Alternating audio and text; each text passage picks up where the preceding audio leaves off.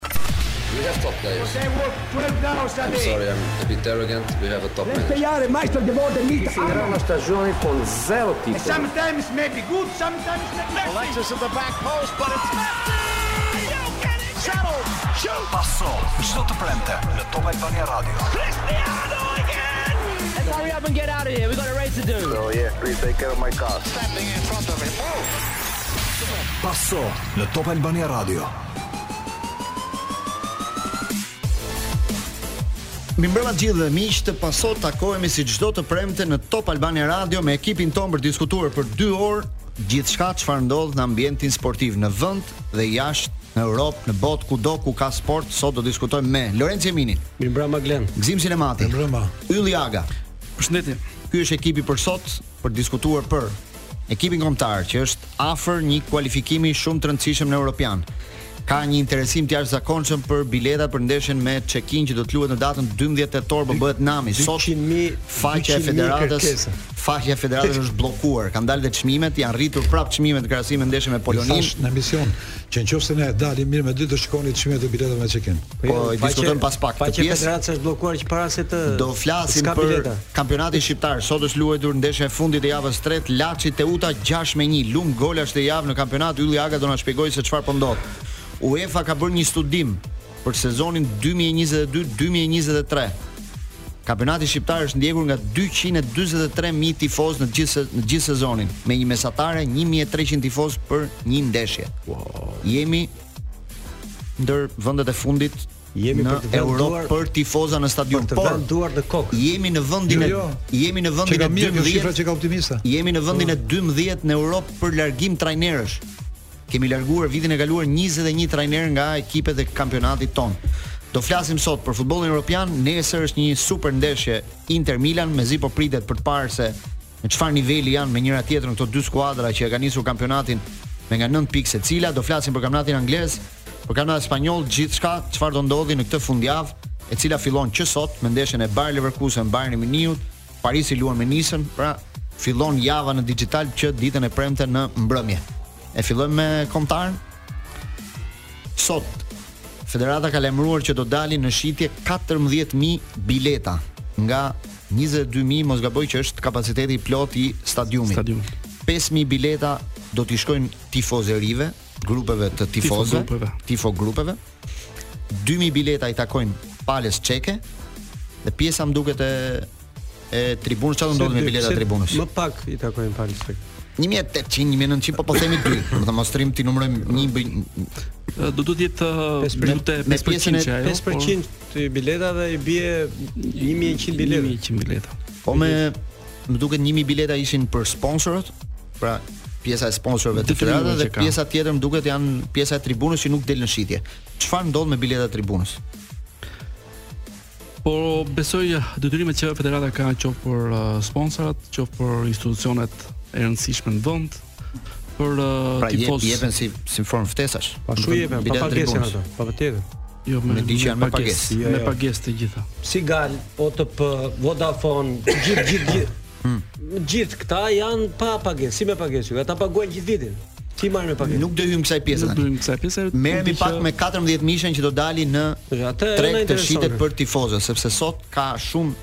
tifozë janë interesuar se çfarë po ndodh me biletat. Unë them merr për momentin me interesimin e lartë që ka. Për momentin për biletat ndeshe... nuk kanë dalë në shitje. Pra, faqja e federatës informacioni im do dalin e ka hapur, nesër. E ka hapur linkun, pra nesër do dalin dhe janë 3000 vet për shembull në link tani 3000 vet janë në pritje, presin. Domethënë janë në radhë online për të në momentin që dalin biletat. Me çmimet do jenë, për 2 minuta mbarojnë në për 2 minuta do mbarojnë. A ju bëj një pyetje, a ka në një vend bot që merren me biletat para se të merren me lojën e ekipit. Ne jena bëu gjithë biletashitsa. Ç'kuptim ka të merren me biletat e kombëtares, sa do shesin, sa do dalin, çfarë do bëjnë? Po pse ne dimë shumë mirë interesim. Po s'ka, po le të ketë interesim. Puna është ta gjejnë ata ka kur thon ata mbaron biletat, aty fillon shitja e biletave, po me çfarë tjetër. Po që Gëzim po ata dalin online. Po kjo jetë ka qenë gjithmonë, qysh kur ka dalë filmi Beteja për Romën. Deri ka ardhur Beteja për futbollin sot,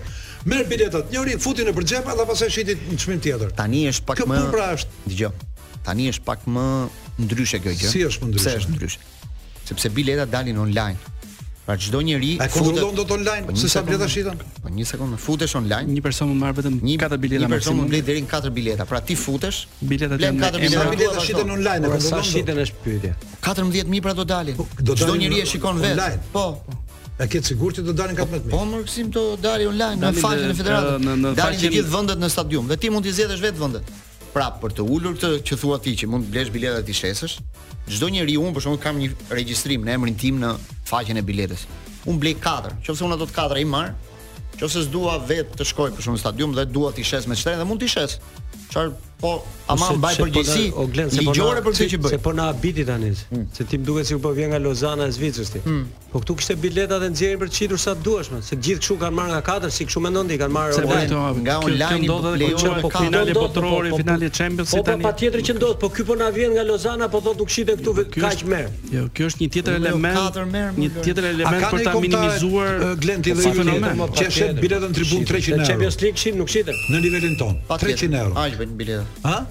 Në çdo tribunë aq janë biletat. Në Maqedoni ka dhe më shtrenjtë, ka dhe më shtrenjtë. Bileta mesatare në Maqedoni, në Mal Zi dhe në Greqi është 30-40 euro.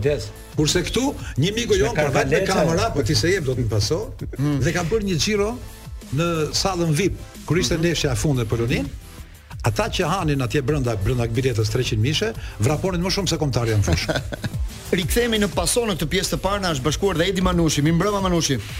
Mirëmbrëma çuna, mirëmbrëma grupi Pasos, mrekullueshëm. Një gjë kam zbuluar sot që me Top Albania Radio dhe me Paso rrugët e Shqipërisë janë më të bukura.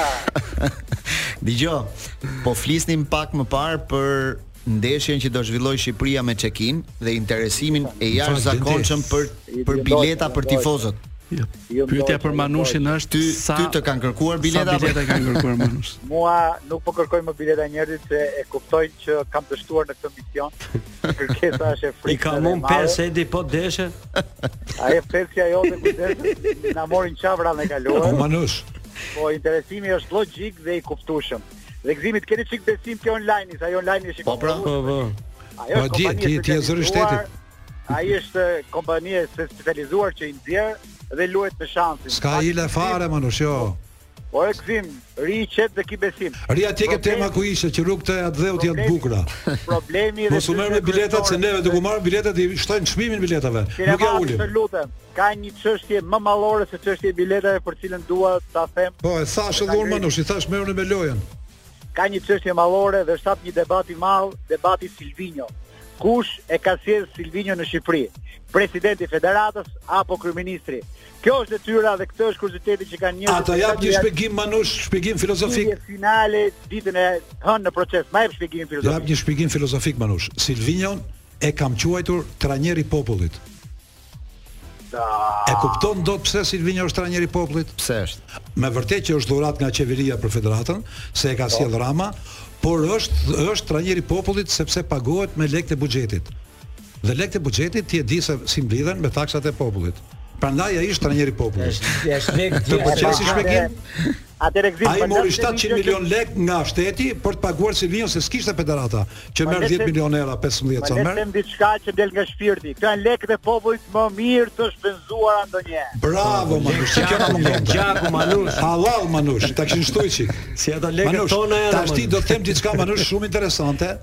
Se është vetëm ti e kupton këtë temë. Gjithmonë ti ke qenë partizani përtej futbollit ka jetë.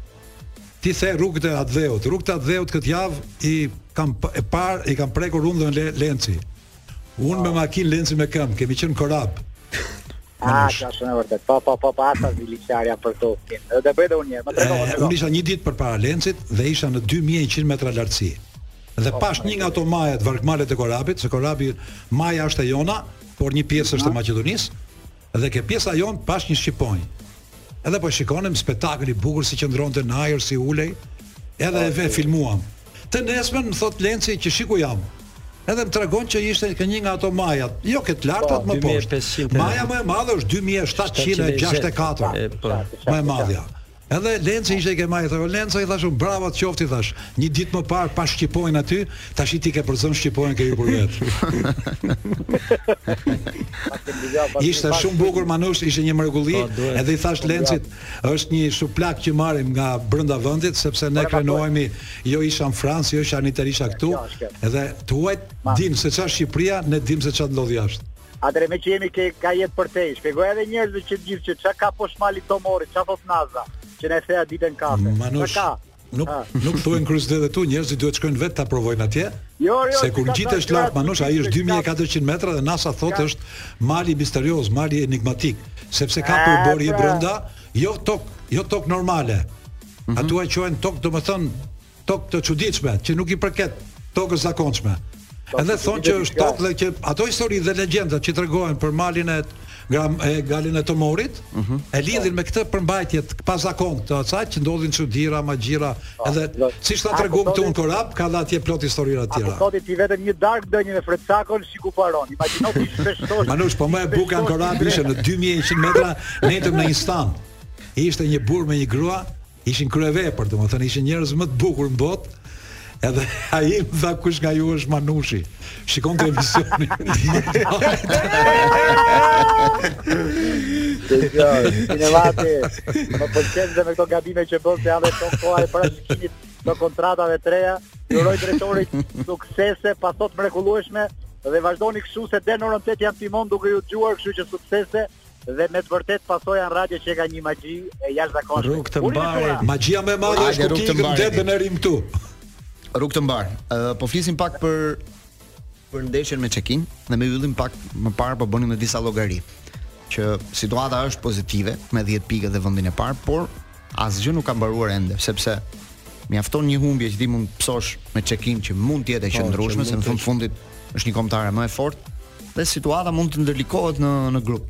Dhe me me llogari që po bënim, Ylli, më duket 5 pikë na duheshin. Me 5 pikë ne evitojmë çfarëdo lloj skenari në ndeshjen që do luajnë rivalët tanë, sigurohet 100% edhe vendi. Me 15? Po me 15 pikë. Barazim me Çekinë, po, barazim në Moldavi, po tre me Ishujt Faroe. Tre fitore Polonia shkon 6 shkon në 15. Shkon 15, po ti e ke mundur 1-0, po. ke, ke mundur 2-0 me ndeshje direkte, ke plusin mm -hmm. me mhm.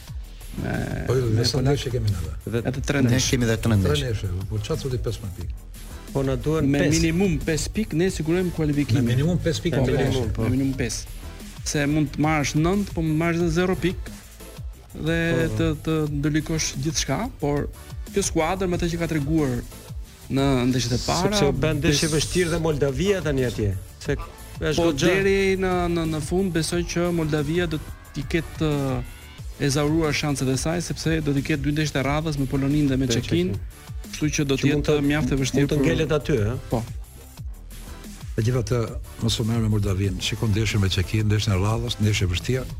Në qoftë se merr barazim Çekisë, e shndërron praktikisht në finale për asgjësim njëra tjetrën. Po e fillon që det po Polonia Çekinë ndeshja e e para. Jemi të humbur. Po. Unë mendoj që po tham, po i morën barazim.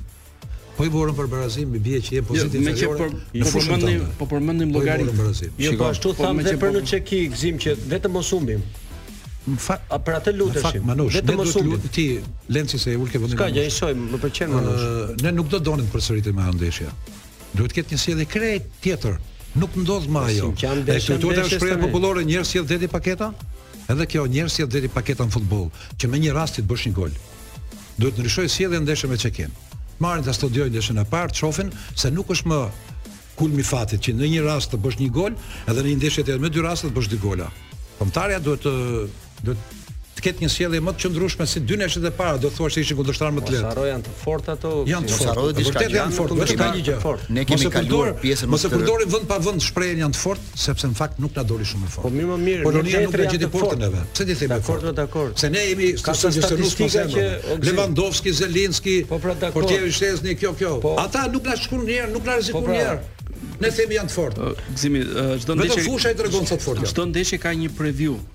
Dhe në preview themi që Polonia ka një histori shumë më të madhe se ty, ka një vlerë të lojtarëve në treg trefish më të lartë se sa ty. Është një skuadër që në kompeticionet e fundit ka qenë gjithmonë aty. Ke 70 vjet që s'e mund dot. Nga 53-shi nuk e po. mund dot. Dhe në këtë këndvështrim besoj që i është marrë maksimumi këtyre ndeshjeve. Në ndeshje direkte je më mirë se se Polonia merr barazim në Çeki. Ke bërë detyrat e shtëpisë me Moldavinë dhe me me me Ishujt Faroe. Praktikisht është ë se po e thosha edhe Glendit më parë, është një ecuri që ka një një trend më të mirë se sa në vitin që ishim në Europian. Patjetër. Po, po, Kemi dy dy pikë për dy pikë për po, dy pikë për ndeshje. Ekip më i mirë. Sot ka folur dhe Pochettino për kombëtaren shqiptare sepse një gazetar e ka pyetur në konferencën e shtypit i ka thënë që Federata Shqiptare ka thënë që Broja do jetë në stol këtë ndeshje.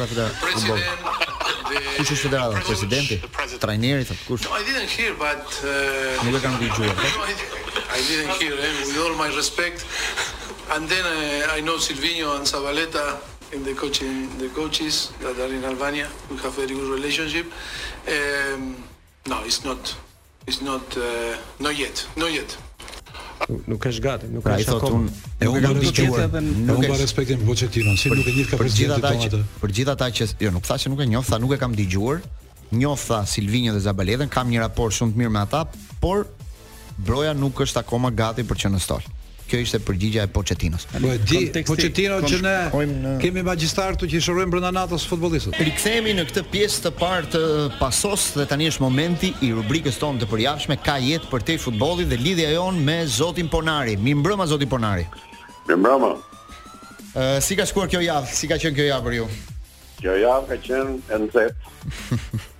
me temperatura të larta. Ëh, ajo që duhet të thënë këtë javë është që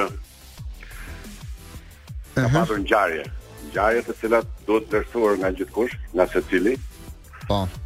Do për ne sigurisht ka qenë diçka e veçantë. I, refer, i referohesh zjarrit që ndodhi dje në Tiranë, në një po, zonë të rëndësishme të Tiranës. Po, një zjarr të cilin njerëzit mendojnë që pallatet nuk digjen, njerëzit mendojnë që shtëpi apartamentet nuk digjen, njerëzit mendojnë që shtëpiat nuk digjen. Nuk do na ndodhë gjë, por oh.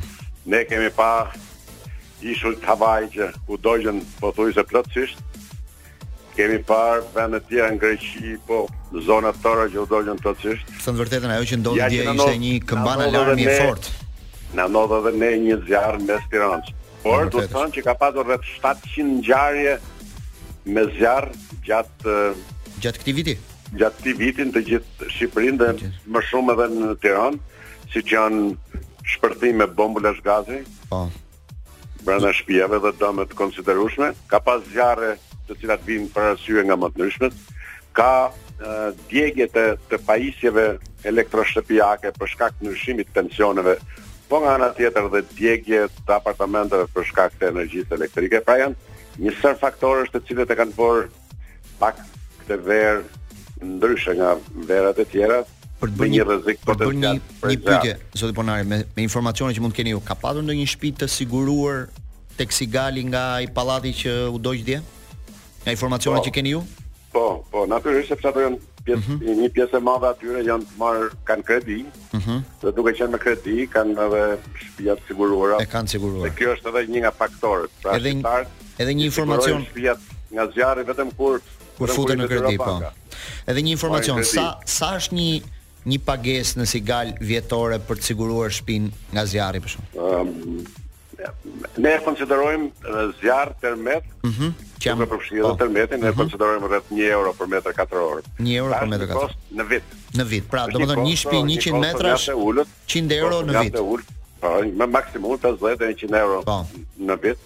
Pra është një kosto mjaft e ulët dhe mund të përballohet nga gjithkush. Pra i bie që të paguash ë maksimumi 5 deri në 10 euro në muaj. Po.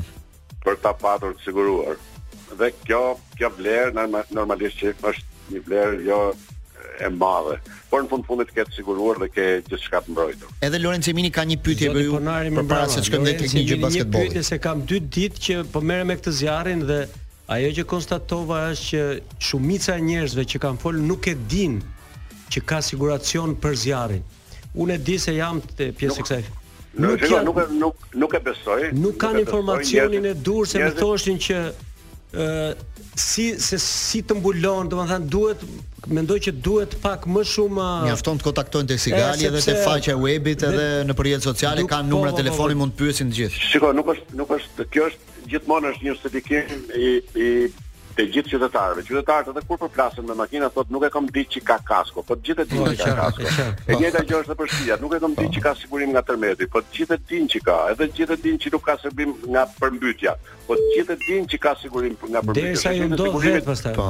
Ofrojnë të gjitha llojet e sigurimeve, ofrojnë edhe për sigurimin e plantacioneve me pjeshk, me kumlla, me mollë, me ulli, po, po, që edhe mund digjen dhe mundet që të paguhen gjitha, edhe me me fushat me grur sigurohen nga zjarri. Ha. Edhe me oriz edhe çdo gjë, pra çdo gjë e krijuar nga dora e njeriu është e sigurueshme. Dhe, dhe kostot janë mjaft të lira, janë mjaft të pagushme dhe mjaft Zoti Ponari dhe një gjysmë pyetje se e kam për me një sigurim që thatë 1 euro për metër katror, deri në sa mbulon sigurimi për Ler, për vlerën vlerën e plotë të shtëpisë. Pra, vlerën e plot. Shtëpia jote Po, qoftë se shtëpia jote është mes Tiranës dhe është 70 metra katror, pra sigurohet me 70000 euro dhe ti do marrësh vlerën e plotë të sigurimit të shtëpisë, që i bie për ta kthyer ato në gjendje, shumën e sigurimit e përcakton ti. Po, natyrisht me bazën, po, po, e tregut që ekziston në, në, Zoti Ponari, kemi edhe... patur mhm. kemi patur plot raste që kemi paguar në disa qytete të Shqipërisë, po edhe në Tiranë, që herë pas here kemi paguar kinemanë e e Elbasanit që u dogj e gjitha dhe sot është i gjithë i, i rikonstruktuar i bërë i ri, kinemanë e Korçës. Janë dy objekte të rëndësishme sociale të cilat të dyja janë paguar, për shembull, dhe që kanë paguar, njëra ka paguar 200.000 lek, të reja mhm. tjetra 230.000 lek, diçka të tillë, por pagesa që kemi bën është mbi 500 milion lek për secilën nga ato. Ishin disa këshilla shumë të rëndësishme. Zoti Ponari, përpara se ta mbyllim kisha edhe diçka. Pashë tek faqja e po. Federatës së Basketbollit një kompeticion që Shqipëria merr pjesë për herë të parë, që quhej i FIBA. Uh, junior. Jo, ishte një me lojrat me kompjuter që A, po, kishim po, kishim po, një ekip edhe aty. Po, hera e parë që të marrin. Po, kjo është shumë interesante, nëse mund ta shpjegosh me pak fjalë. Është një lojë elektronike, uh -huh. e cila ka filluar tashmë në të gjithë në të gjithë federatat europiane uh -huh. dhe ne po marrim pjesë me ekipin e parë në këtë garë.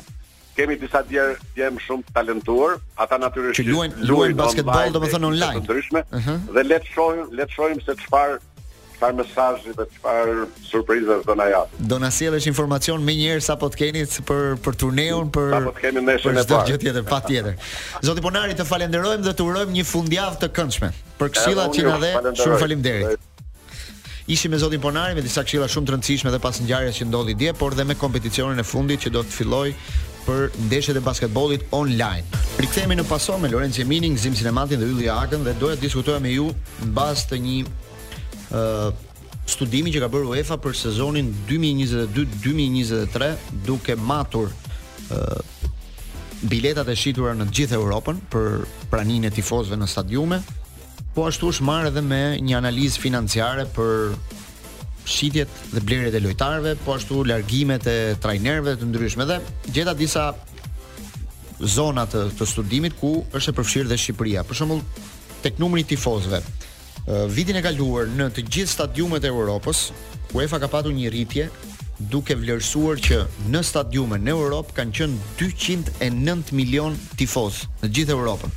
kanë marrë pjesë në stadium në të gjitha kompeticionet, në Europë, në kompeticionet kampionatet pra respektive të të vendeve të Europës, kupave të të vendeve respektive, i gjithë total numri i tifozësh 209 milion. Vendin e parë në Europë për prani tifozësh në stadium e mban Anglia me 44.5 milion tifozë në gjithë sezonin nga shtatori deri në maj. Vendi i dytë, Gjermania, 28.9 milion tifozë. Vendin e tretë e ndan Spanja dhe Italia, pak a shumë me shifra të njëjta 22.2 milion, kurse Ballkani është në vendin e parafundit, zona e Ballkanit, sepse nuk janë ndarë vetëm në shtete, me 2.6 milion tifozë nëpër stadiume. Shqipëria vitin e kaluar në bazë të studimit të UEFA-s dhe në bazë të të dhënave që ata kanë gjeneruar, ka patur një prani tifozësh 243.000 gjithë sezonin. Pra 243.000 tifozë në gjithë sezonin në kampionat dhe në kupë. Me një mesatare tifozësh për ndeshje 1300 tifozë në çdo ndeshje. Se këta marrin referencë që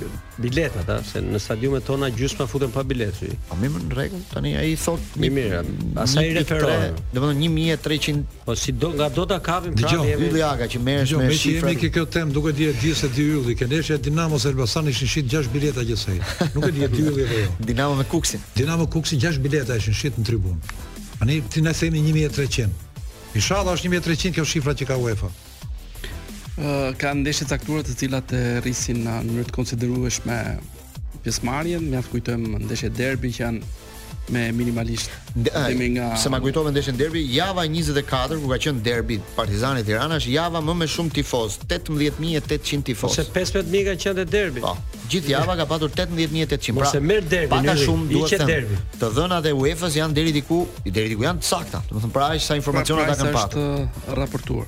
Gjithsesi kjo merr vlerë duke e krahasuar me ato që dikur Shqipëria ka qenë dhe në mesin e viteve 80 ka qenë absolutisht nga vendet me numrin më të lartë të tifozëve në raport me me me popullsinë. Në mesin e viteve 80 ishim diku 6000 e ca tifozë për ndeshje dhe tani të zbresësh me me 1000 e ca tifozë për ndeshje është një tregues duhet thënë dhe diçka Ylli një problematike shumë madhe që ka duhet thënë dhe diçka që në krahasim me vitin e fundit para pandemisë pra sezonit 2018-2019 kemi një rritje 2% për prani tifozësh në stadium. Kjo na jep shpirtin e kaluar. Jo, kjo ka justifikim.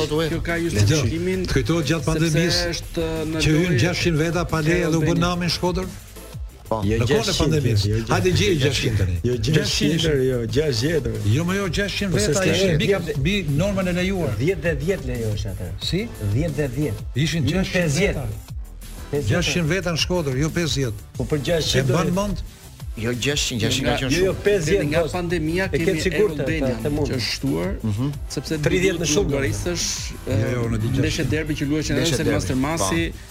që kanë patur më pak tifozë. Ka patur më pak tifozë.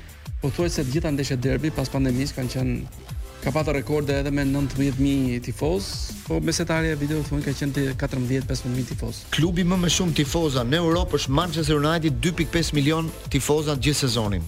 Vendi i dytë Barcelona 2.3, vendi i katërt, vendi i tretë dhe vendi i katërt janë Interi dhe Milani, që të dy bashkë janë afruar shifrës 4 milion tifoza vitin e kaluar.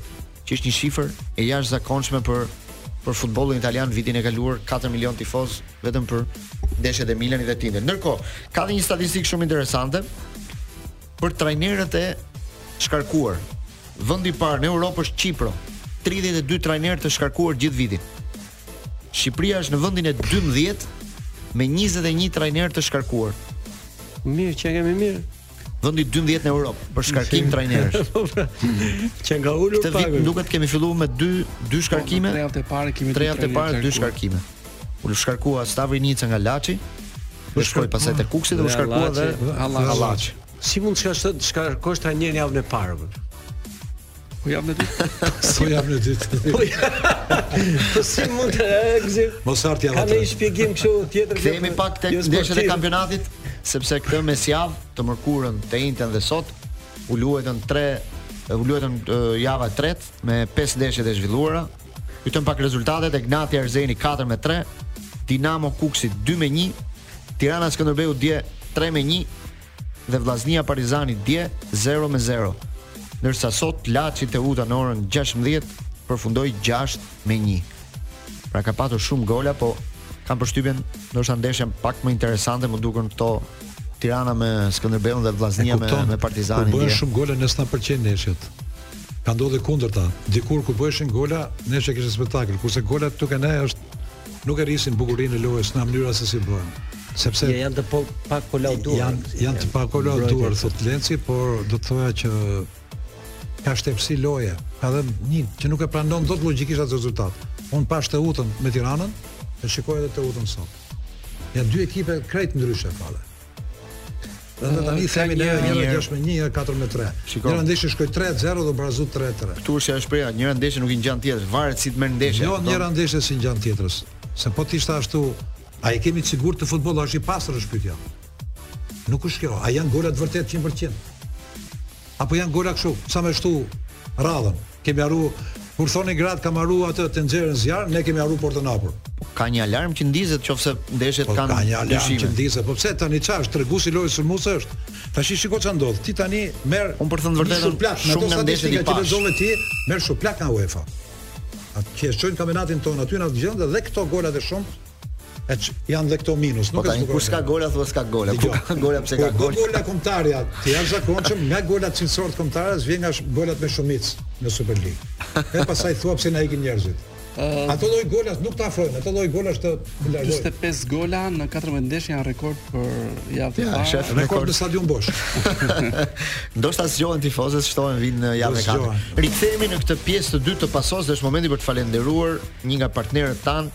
Iute Credit, unë nuk jam i vetmi që dua të bëj blerje pa përdorur paratë e mia aktuale. Si unë ka dhe plot të tjerë dhe Iute Credit na mundëson të marrim kredi deri në pesëqind mijë lekë. Me to mund të shijojmë çdo produkt dhe shërbim pa prekur financat tona aktuale. Shkarkoni aplikacionin MyIute dhe merr paratë që të nevojiten sa hap e mbyll sytë. Për t'u rikthyer pak te diskutimet që kishim dhe lamë hapur mbi çështjen e kombëtares. Ylli dhe Lorenc të paktën që keni qenë dhe aktiv gjatë këtyre ditëve për një debat që ka nisur në lidhje me Kosovën dhe dy lojtarët e fundit që janë bashkuar Shqipërisë, Daku dhe Muja. Pati një reagim nga ana e Federatës së Kosovës, madje edhe dje një zotëri drejtues në mos gaboj me mbiemër Shala. Po, ishte është është Funksh, ka një funksion në po, Federatën e Kosovës. Funksionari i, po, Federatës së Kosovës tha që Federata Shqiptare na ka punuar mbrapa shpinës për këta dy lojtarë. Duket sikur janë agravuar pak zërat, debatet, ngacmimet e dy federatave në pas dy afrimeve të fundit që Shqipëria bëri me këta dy lojtarë që veshën fanellën e e kombëtares kuqezi, duke lënë kombëtaren e Kosovës dhe duke ardhur me Shqipërinë. Nuk e di Ylli si e ke parë ti këtë situatë. Ëh do duhet ta fillojmë me atë që përfaqëson ekipi ynë kombëtar. Ekipi ynë kombëtar përfaqëson të gjithë shqiptarët kudo që ata janë lindur, kudo që ata janë formuar sportivisht dhe në Shqipërinë e sotme ne kemi të vizatuar hartën e 28 nëntorit të 1912-ës dhe jo hartën e konferencës së Londrës në prill të 1913-ës që vizaton kufijtë shtetërorë që ne kemi aktualisht. Çdo shqiptar kudo që ai ka lindur dhe ka në pasaportë kombësia shqiptare, ka një mundësi për të zgjedhur ekipin tonë kombëtar për të luajtur dhe kalojmë në në pjesën fundore të Atij diskutimi që është i lirë çdo lojtar të zgjedh, ka lindur në Kosovë, ka lindur në Preshevë, ka lindur në Belgjik apo kudo që ka lindur, nëse ai dëshiron të luajë për ekipin kombëtar është i lirë. Nuk është që se është një klub që po shkon po i bën një ofertë një lojtari që është aktualisht i Kosovës, hajde luaj ti me mua. Është lojtari që pra, këtë zgjedhje qartësuar qartësuar gjithë ata që na dëgjojnë. Po, lojtari ka të drejtë një herë ta ndrojë kombëtaren.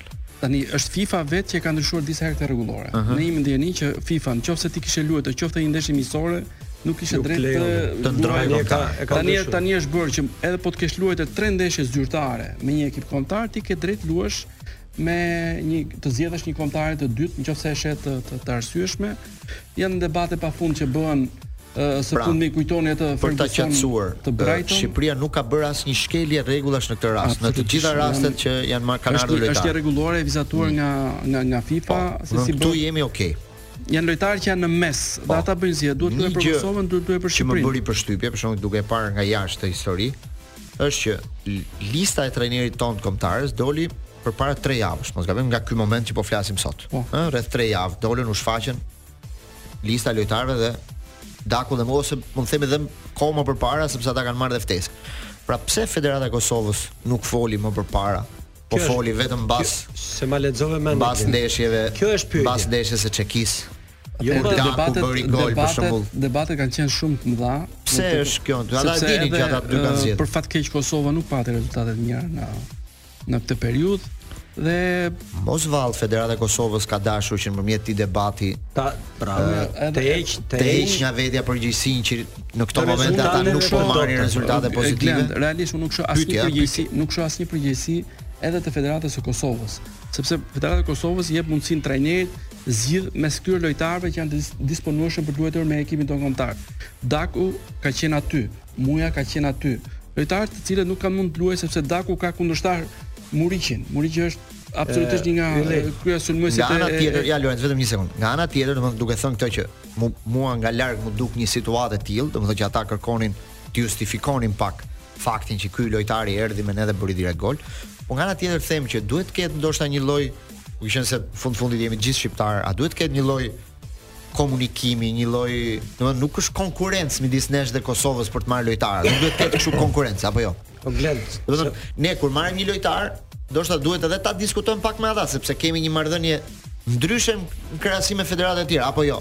Si e mendon ti? Tani mund do të flasim një lloj respekti moralisht flasim, ëh, se ligjërisht jemi okay të gjithë.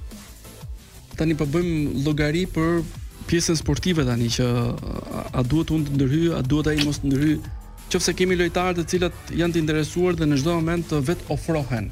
A mund t'i po, pra, thuash një lojtar që jo ti nuk ke të drejtë ata i kemi marrë ne apo kanë ardhur vetë? Kjo është pyetja. Po s'është pyetje kjo më Lenci si çka pyetje kjo. A është me dëshirën e tyre po, ku ka pyetje po, aty? Pra. Si ka vu revolen kokë aty? Jo pra tani o Glen, më fal Gzim. Unë kisha një debat para dy ditësh në një studio me një trajner të Kosovës, ishte në Skype ai dhe dhe i thashë që unë shikoj po të shikoj unë filloj thashë nga fundi bisedën i thashë se ky debati më duket një tymnajë kot pa lidhje fare, po pa lidhje fare.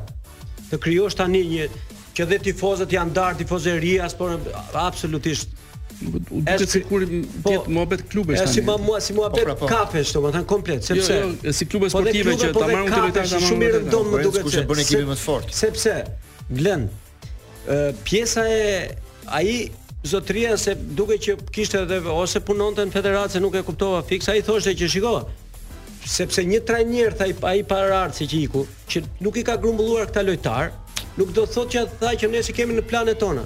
Okej, okay, tash shumë dakord, jam dakord me, por unë i thashë e filloj nga fundi bisedën. Në intervistat që ka dhënë dhe Daku dhe Muja kanë thënë që ka zot lart. Domethënë intervistat që ata japin janë shumë kuptimplote që ata nuk i kanë trajtuar siç duhet në Kosovë. Ata kanë ikur zemërthyer nga Kosova. Siç siç ka ndodhur dhe këtu te ne. Pra domethënë ata fajin ta gjejnë te vetja. Te vetja pra. Dhe i thashë, ju gjeni fajin te vetja. Siç na ka ndodhur ne në kombëtaren tonë që na kanë ikur lojtarë. Pse e ka fajin se na e mori ne Belgjika Januzajn? Jo mor jo.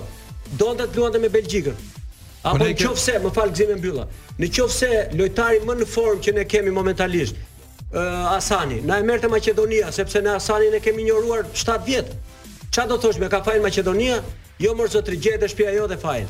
Rikthehemi në Pasdite po flisnim për debatin midis uh, Shqipërisë dhe Kosovës për disa prej lojtarëve që zgjodhën Shqipërinë, siç ishte Daku dhe Muja dy të fundit dhe ky debat që ka nisur Gzim për ta unë për thënë dhe ti do të thoja që në këtë kjo ka shumë hipokrizi marrëdhëniet tona me Kosovën me futbollin, se gjithë kohën media, sidomos media e kontrolluar, thoshte marrëdhëniet e shkëlqyera midis dy vendeve.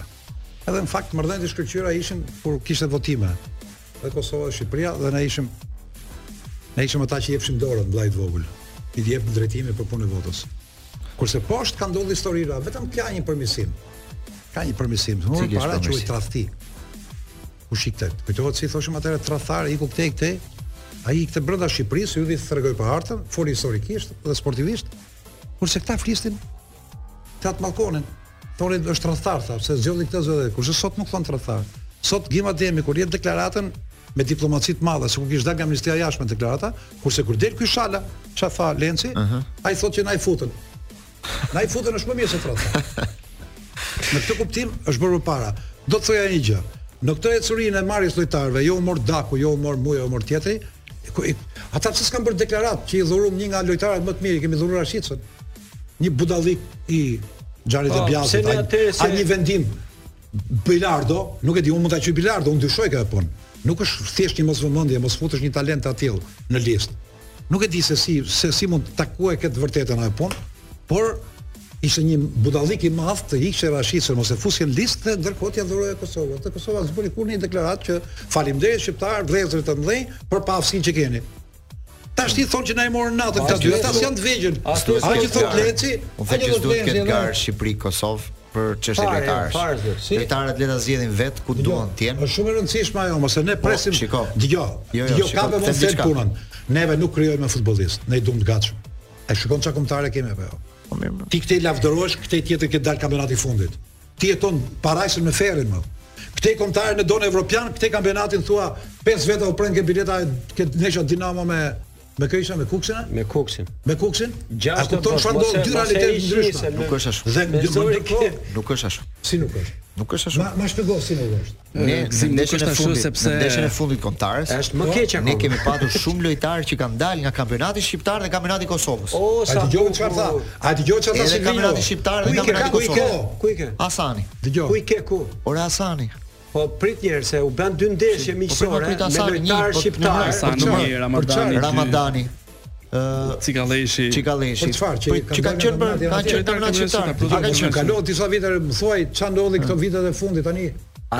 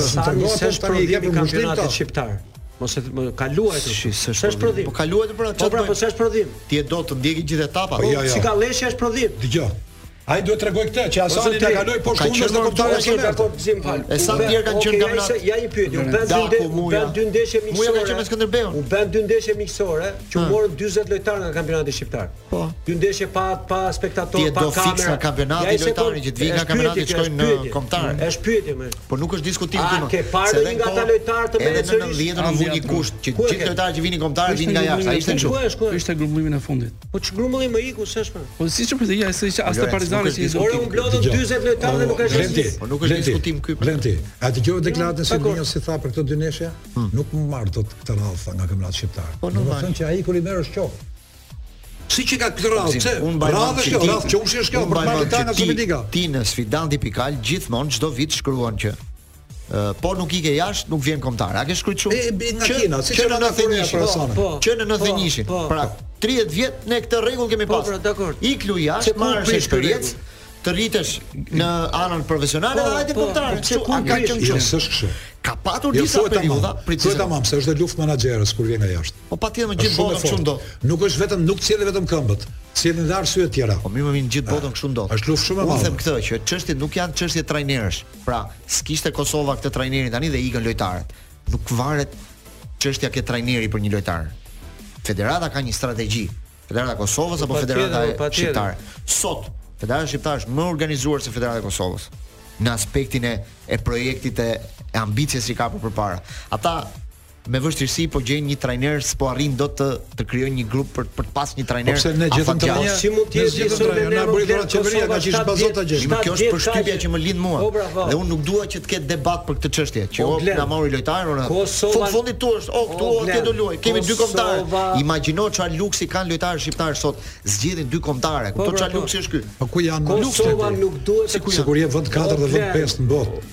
Po le për çalluk si ke më bërë. Po është për një lojtar. Më mirë ti ishe një kombëtare se dy. S'ka pse Kosova të krahasohet me ne mor zotri. Këtë pra po them. S'ka fare pse të po krahasohet me ne. Këto të dyja mund të fuqizojnë po të bashkëpunojnë mirë njëra tjetrën. Jo, rrezikon që ti duke i ndar lojtarët, po. bën dy kombëtare po jo, jo të forta. Jo, jo, kur ti mund të bësh një të fortë edhe. Jo, jo, edhe një herë Glen. Lojtarët nuk është se po ndajnë vet. Lojtarët po ndahen ngaqë nuk trajtohen mirë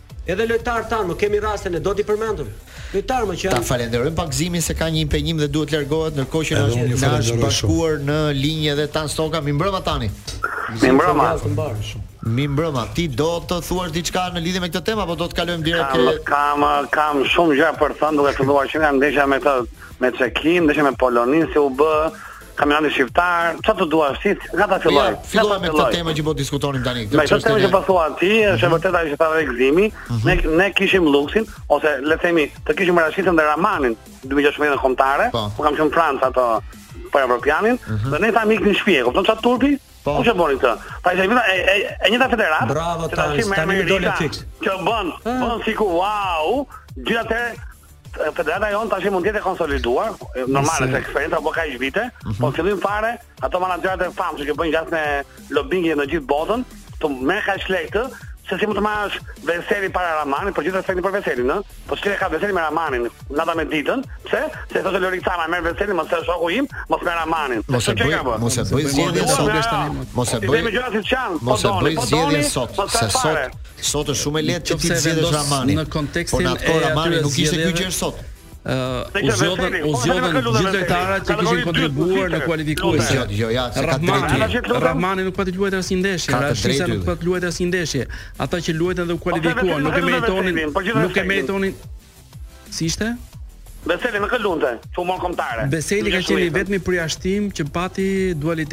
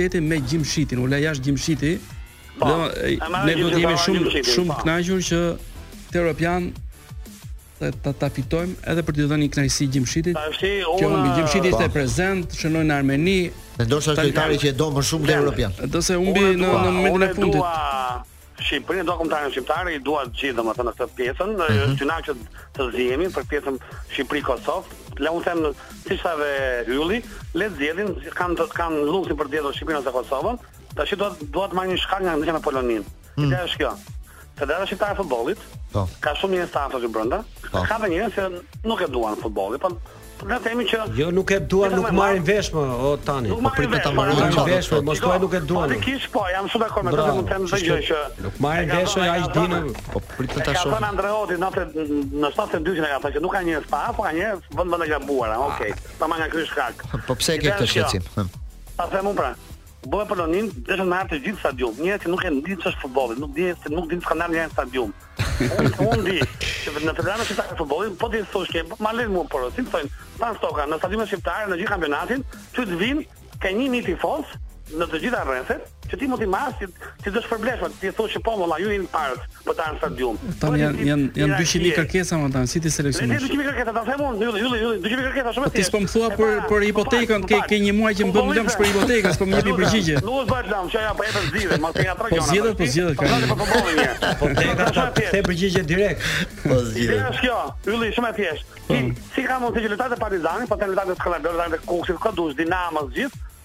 Njëzet e tre veta, bashkë me stafin bëhen pesëdhjetë veta. Po jepu pesëdhjetë veta lojtarëve, me lekë jepi. Po jepi këtu e din stadium edhe me kombëtaren. Pse mos vijnë këta? Këta nuk vijnë. Duan gjithë qeveria, dërçi, vëzhgë, njerëz që s'kanë lidhje fare me futbollin, do marrë stadium. Jo, valla, klasifikoj. Unë iki në Milano që shoh Milanin, me Milan Club Albania, dhe në 75.000 veta, Milanin në Itali, Milan në Itali, na lënë neve 25 bileta për Tiranën. 25 bileta marrim neve gjithmonë.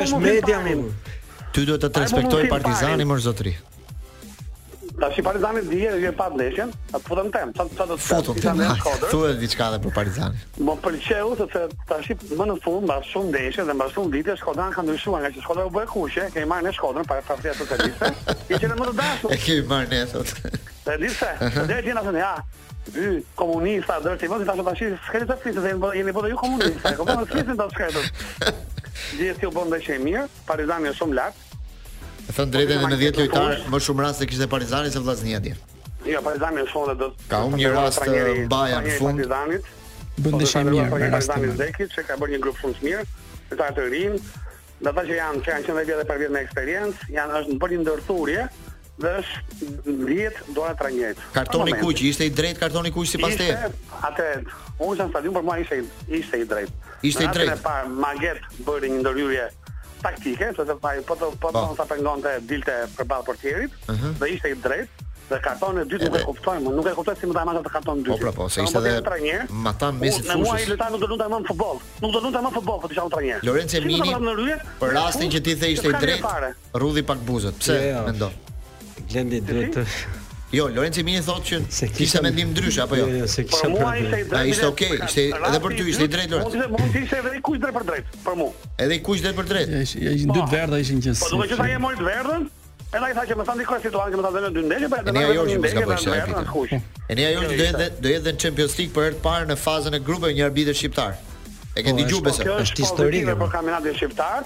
Po shpresoj. Young Boys Leipzig, ëh. Po, do të ndonjë të Shpresojmë që si gjykon atje, të gjykojë dhe këtu më mos marrë. Do sa do gjykojë në po, Shkodër, po, si gjykojmë? Po ja në Shkodër më thonë që gjykoi mirë. Jo se kam thënë gjithmonë sa lart është niveli i arbitrimit në kampionatin shqiptar, domethënë. Another day in paradise. Një tjetër ditë në parajsë. Nesër do jetë një ditë parajse sepse nesër luajnë luhet derbi i Milanos në orën 6 mbasdite Inter Milan. Përballja e parë në kampionatin italian e dy skuadrave që janë në top form, kontrolloni agjendat, rregulloni agjendat. Interi ka 3 ndeshje, 3 fitore, nuk ka pësuar asnjë gol, ka shënuar 8, Milani ka 3 ndeshje, 3 fitore.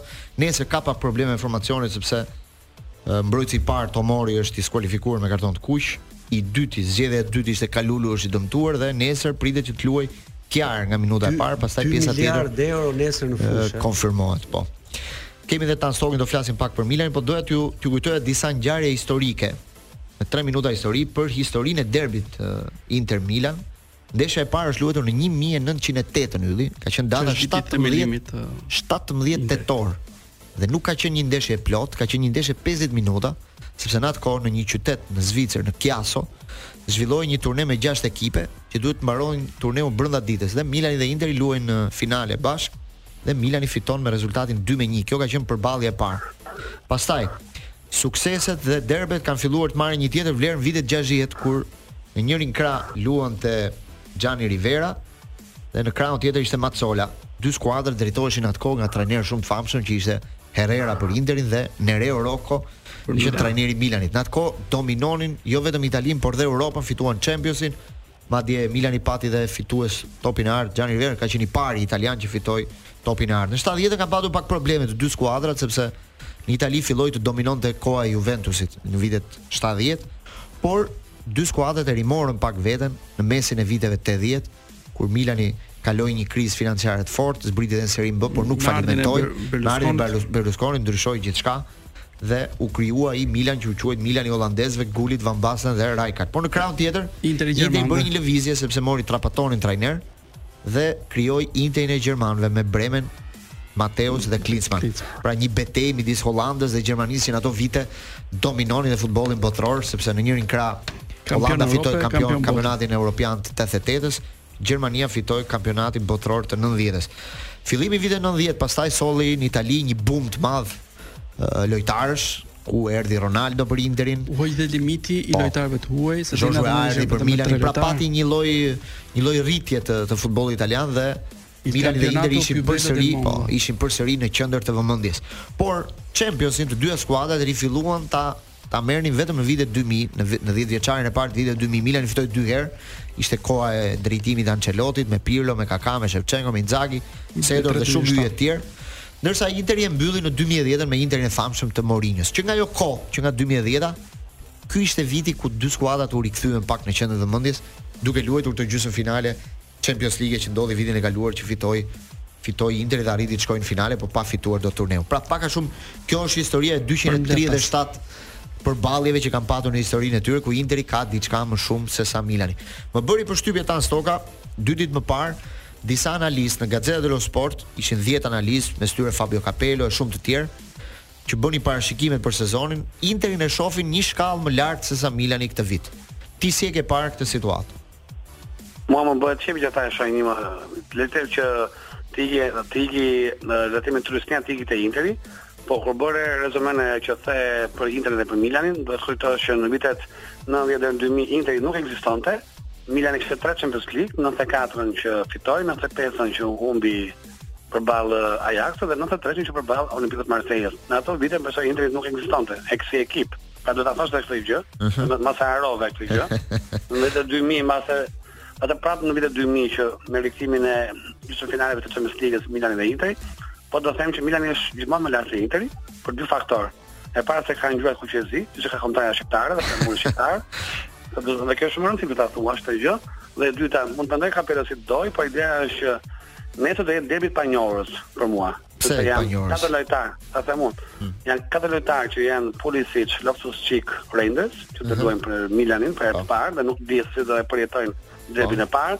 Nga ana tjetër është Marcus Thuram, është Sommer, portieri, që po. në intervistën sot kishte thënë që përjetoj për herë të parë, përjetoj këto emocione kaq të rëndësishme në këtë derbin e Milanos. Po gjithsesi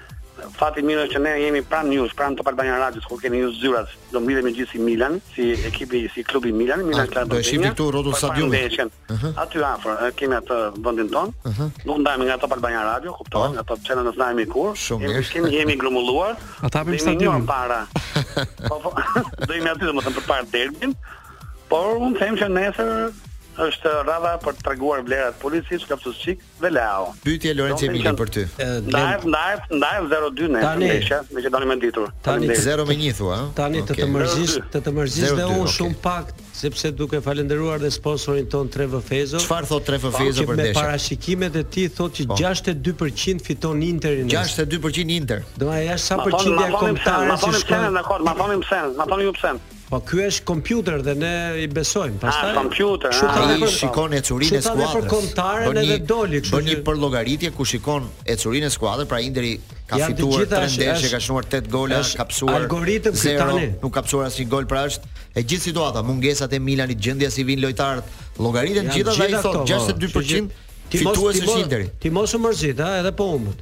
Jo, nuk kam, ne nuk humbim, nuk ka problem, nuk humbim, por ideja është që gjithmonë Milani është më lart se Interi, thjesht doja ta thoja këtë gjë. Nesër, shikon, nesër mund të jetë pak edhe ndeshje e panjohur sepse Pikërisht për këtë them e panjohur. Të dy ekipet vijnë nga nga kjo java e kombëtares dhe nuk dimë se si kanë ardhur lojtarët, domethënë disa kanë udhëtuar shumë, disa kanë luajtur shumë. Për shembull, po shikoja statistikat. Po shikoja statistikat tani që lojtarët e Interit kishin luajtur gati 500 minuta më shumë se lojtarët e Milanit me kombëtare. Pra, por, por, nuk dihet se si vin, vin të mirë, po. vin në rregull, kanë dëmtime, udhëtimet e gjata, të gjitha po, futen. Unë një gjë, që s'e kam si Deschamps, që ti për gjithë respektin për Deschamps si trajneri i Francës, uh mhm. -huh. ose si si luhet. Për ç'arsye gjëja, për Mbappé ta mbajë në stol, mos ma lë lojtarin. Lojtari i Milanit,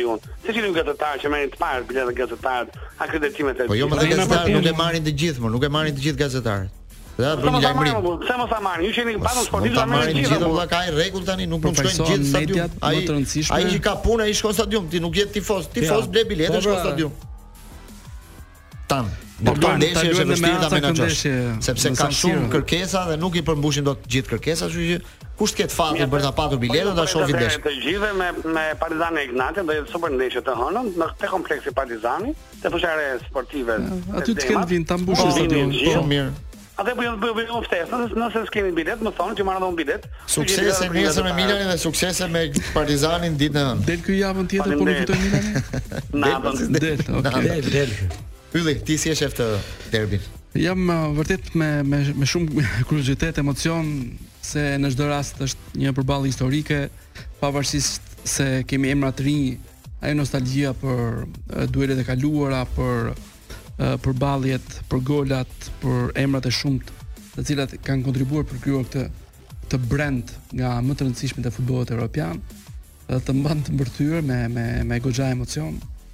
Edhe orari më duket goxha i përshtatshëm në orën 18 nesër, sepse është edhe i ndërthurur me me me, me të shtunën që u jep mundësi njerëzve për të parë edhe të tjera gjëra, për të ndjekur dhe agjendët personale.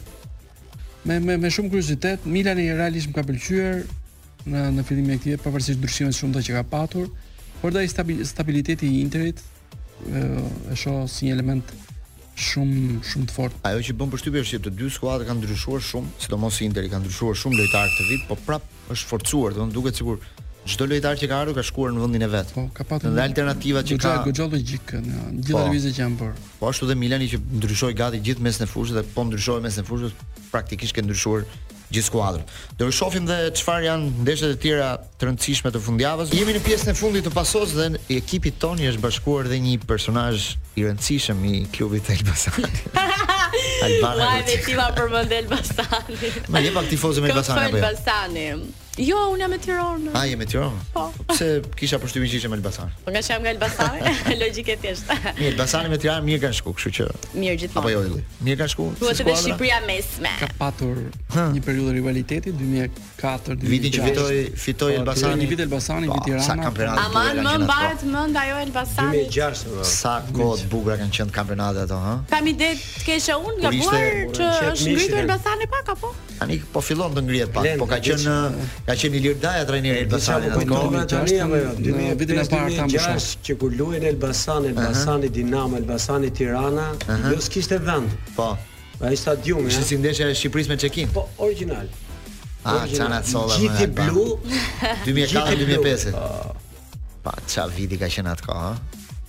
Po, më duket Elbasani mori i mori Tiranën dhe Nevil Dede në atë kohë, ëh. Po, Nevil po, Dede po. doli kampion si kapiteni i Elbasanit, po ishte një grup goxha i mirë në atë periudhë. Po, më vjen mirë që Elbasani Elbasan. Po, në atë periudhë ishte portier Kotori, Kotori, po. Mbrojtja ishte Brahja, Vrapi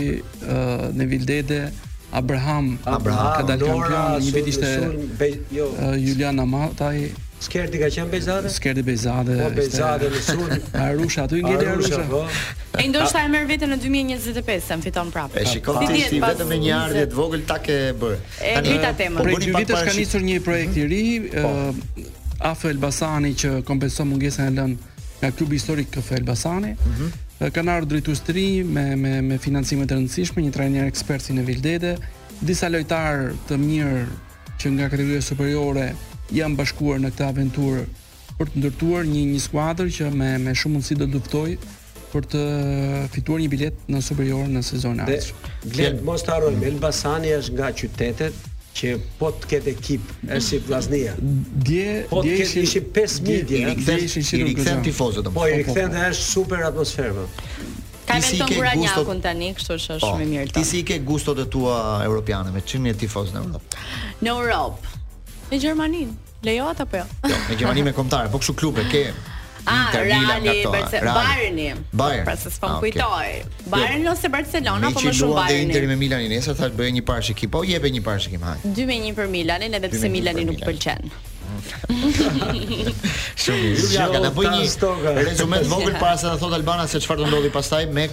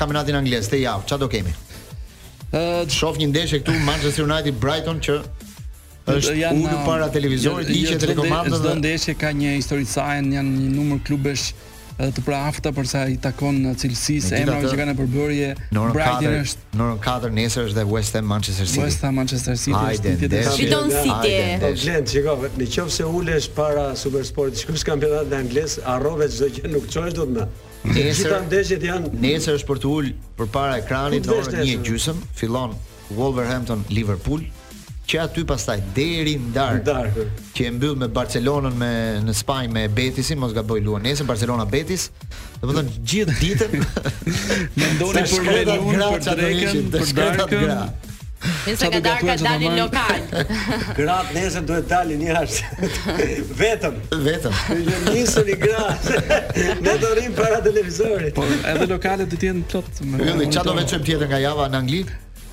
Po kurioz jam edhe për ecurinë e Arsenalit që do jetë uh, të dielën me, me, me Evertonin, me Everton që ka kaluar mhm. një periudhë të vështirë, por besoj që në shtëpi është i aftë të, të bëjë rezistencë ndaj një pretendenteje që është Arsenali i Artetës.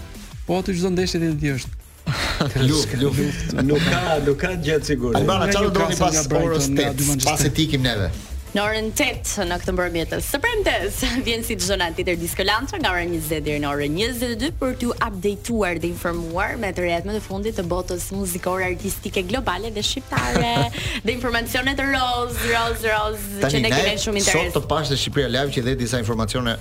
Roz oh, atje. Faleminderit Glenti. Të ndoqa.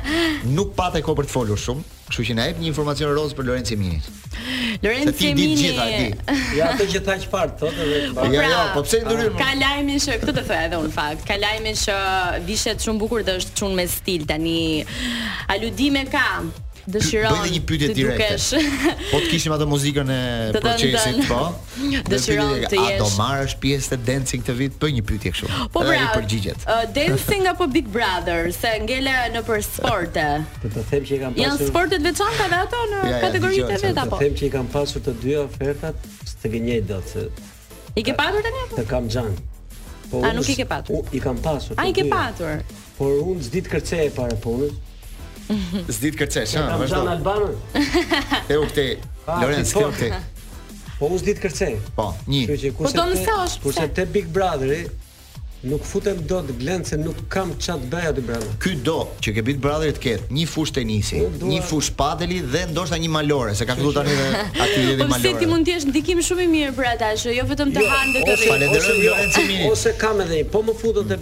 Brother, të po më lënë, të më lënë dy ditë të dal.